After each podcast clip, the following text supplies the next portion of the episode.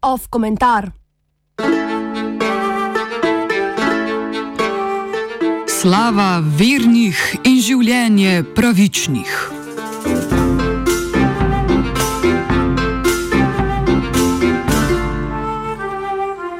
Pontifikat papeža Frančiška, s katerim je Rimokatoliška crkva vstopila v obdobje, ki ga večina medijev označuje za bolj liberalno, teče že deveto leto. S papeževanjem je namreč začel pred osmimi leti in štirimi dnevi.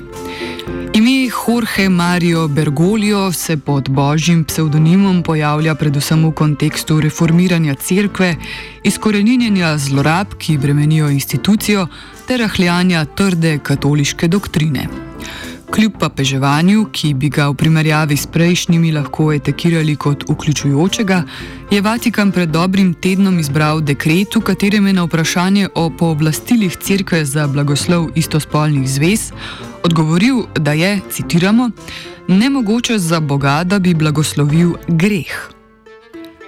Od belega dima, ki se je pred dobrimi osmimi leti pokadil iz Sikstinske kapele, seveda ni bilo pričakovati, da bo naznanil popolno sprejemanje spolnih manjšin v občestvu Rimokatoliške cerkve, ki jo škandali v povezavi s posilstvi in pedofilijo pretresajo že desetletja. Frančišek, ki je sicer leta 2013 dejal, da bi bila izenačitev istospolne ter heteroseksualne poroke antropološko nazadovanje, je z odobritvijo dekreta vesolno crkv pozval k spoštovanju ter sprejemanju raznospolno usmerjenih. Od besed k dejanjem.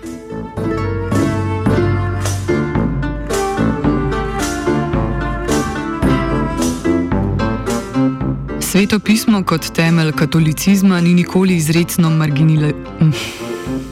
marginaliziralo ali zavračalo homoseksualnosti, a so crkveni dostojanstveniki s širjenjem propagande kmalo po Kristusovi smrti začeli z dogmatičnim potrjevanjem heteroseksualnega patriarhata. Cerkveni vzvod zagonijo proti tistim, ki ogrožajo jedrno družino, sveto naročje božjih otrok, je torej proizvod prirejene zgodovine, ki jo je cerkev izkoristila za utrjevanje katoliške doktrine. Zato se zdi danes, ob vseh razkritih grehih Rimokatoliške cerkve, protislovno predvsem klerikalno legitimiranje istospolne usmerjenosti, kljub razglašanju homoseksualnega spolnega akta za greh. Od izvirnega greha vse do greha, katerega koncept je nastal zaradi idealizirane vseživljenjske heteroseksualne ljubezni, ki jo je protestantizem z uveljavitvijo ločitve demantiral.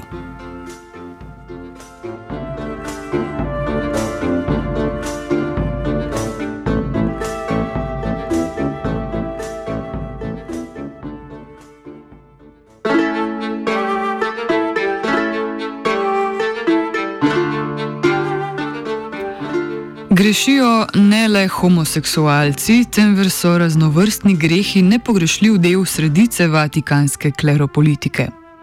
Oktobra je v medije prišla vest, da naj bi odpuščeni kardinal Angelo Bečiju uredil polmilijonsko nakazilo Čečiliji Maroni, znanki Sardinije, ki ga je prejela na račun registriran v Sloveniji. Božja volja vatikanskega denarja se je zgodila, ko je omenjena znanka denar porabila za nakupe luksuznih dobrin. Ojoj. To je le eden od mnogih finančnih škandalov, ki tako Vatikan kot lokalne cerkvene institucije pretresajo po urniku. Naj vas samo spomnimo na afero povezano s holdingoma Zvon 1 ter Zvon 2, ki sta bila v večinski lasti slovenske rimokatoliške cerkve, ta pa je imela ob vzniku afere preko beg holdingov v lasti celo 14 odstotkov A banke. Zvon 1 ter Zvon 2, s katerima je upravljala Mariborska naškofija, sta preko hčerinskih podjetij vlagala v gradnjo turističnih poslopij na Hrvaškem. Po zapletih z gradbenimi, do, z gradbenimi dovoljenji sta na mesto gradbene jame izkopala bančno. To pa so plačali davkoplačevalci. A nepremišljenosti v gospodarskem svetu crkveni instituciji ne gre zamiriti, saj je ta zgolj rezultat srečnih ali manj srečnih podvigov, ki ob ugodnem razpletu pripomorejo k širjenju cerkve same.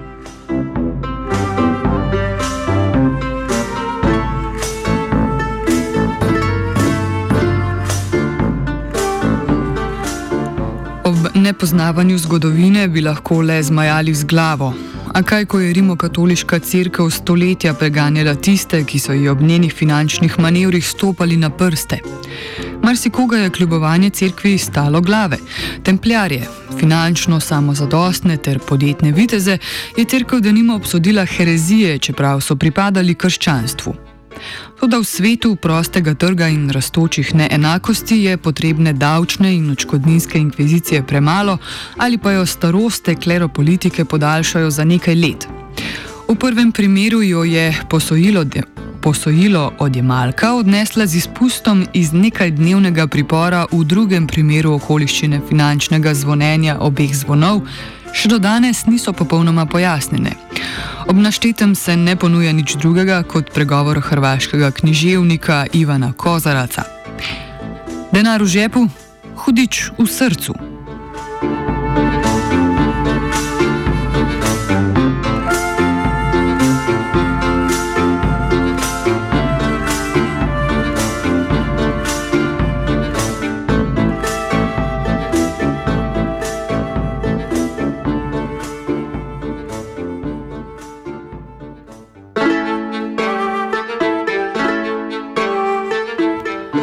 Preteklem tednu so neodvisni preiskovalci v Kölnu objavili dolgo pričakovano poročilo glede spolnih zlorab v tankajšnji načkofiji.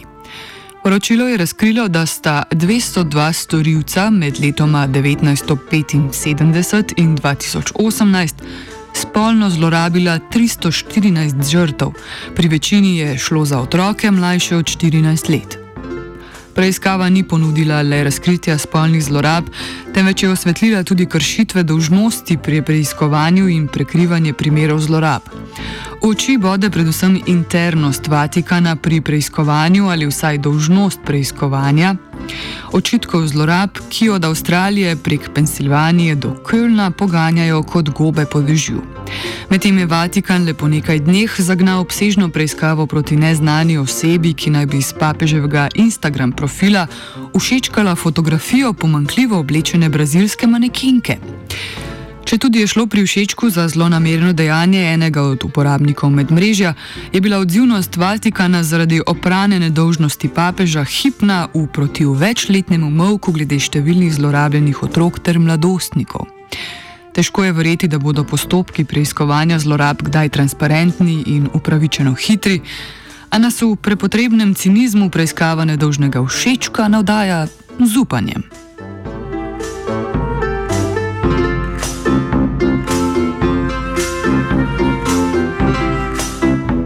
Poleg dekreta o blagoslovu homoseksualnih skupnosti se je papež Frančišek nedavno podpisal tudi pod noto, ki vernikom dovoljuje uporabo po mnenju najostrejših nasprotnikov splava v Vatikanu etično spornih cepiv, kadar neoporečnih zaradi utemeljenih razlogov ni na voljo. Nota kongregacije, ki so jo decembra objavili tudi v slovenski škofovski konferenci, zadeva moralno spornost cepiv AstraZeneca ter podjetja Johnson Johnson, saj so bile pri procesu raziskovanja in proizvodnje uporabljene celične linije splavljenih fetusov. Kljub papeški noti je na spletni strani slovenske škofovske konference najti odsvetovanje cepljenja s cepivom AstraZeneca. To naj bi bilo moralno komprom kompromitirano. Čemur botruje uporaba celične linije HEK293, pridobljene iz tkiva leta 1973, verjetno spontano splavljenega otroka.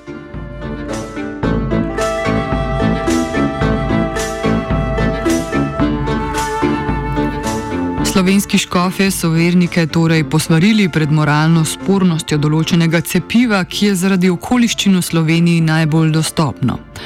Če je splav simbolična ovira, ki vernikom onemogoča dostop do imunosti, je bila torej množična maša lansko poletje na Brezjah, na kateri je bilo v času koronskih ukrepov prisotnih 3000 ljudi, strel v koleno Cerkveni dostojanstveniki ob odprtih cerkvah hkrati pozivajo k moralnemu bojkotu cepiva AstraZeneca, množično bogoslužijo ter ob enem v hvalospevih, objavljenih na spletni strani Slovenske škofovske konference, podpirajo vladajočo politično garnituro, ki se tudi z vestnim dobavljanjem cepiva na vse pretega trudi zaeziti epidemijo.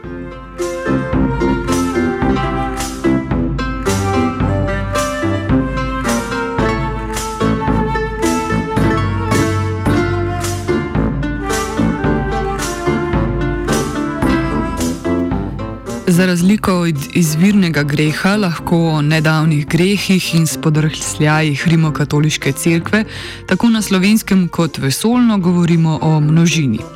Če lahko papeža Frančiška označimo za naprednega božjega uslužbenca z občasnimi zdrsi na Instagramu, moramo razvoj Rimokatoliške cerkve ponazoriti s premico.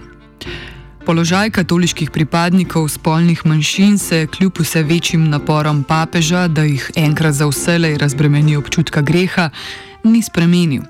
Čeprav papež v svojih javnih nastopih poziva k revni cerkvi za revne, je svojim sodelavcem vse prej kot odžagal zeleno vojo, na kateri so sedeli pred razkriti vseh finančnih škandalov. Vatikan je sicer oktobra lani posodobil zakonodajo o transparentnosti finančnih postopkov, a se epilogov omenjenih škandalov do danes še nismo pretirano naužili.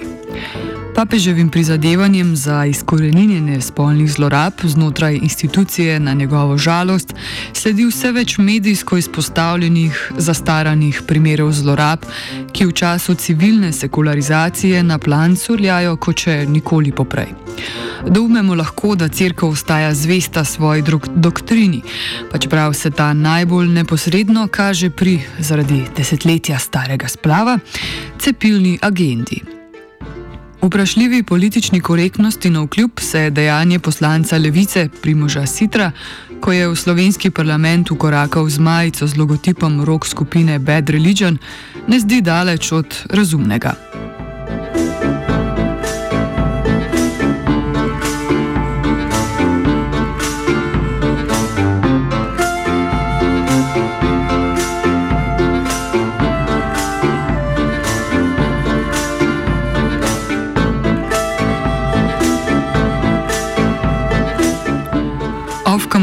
Je zagrešil Matija.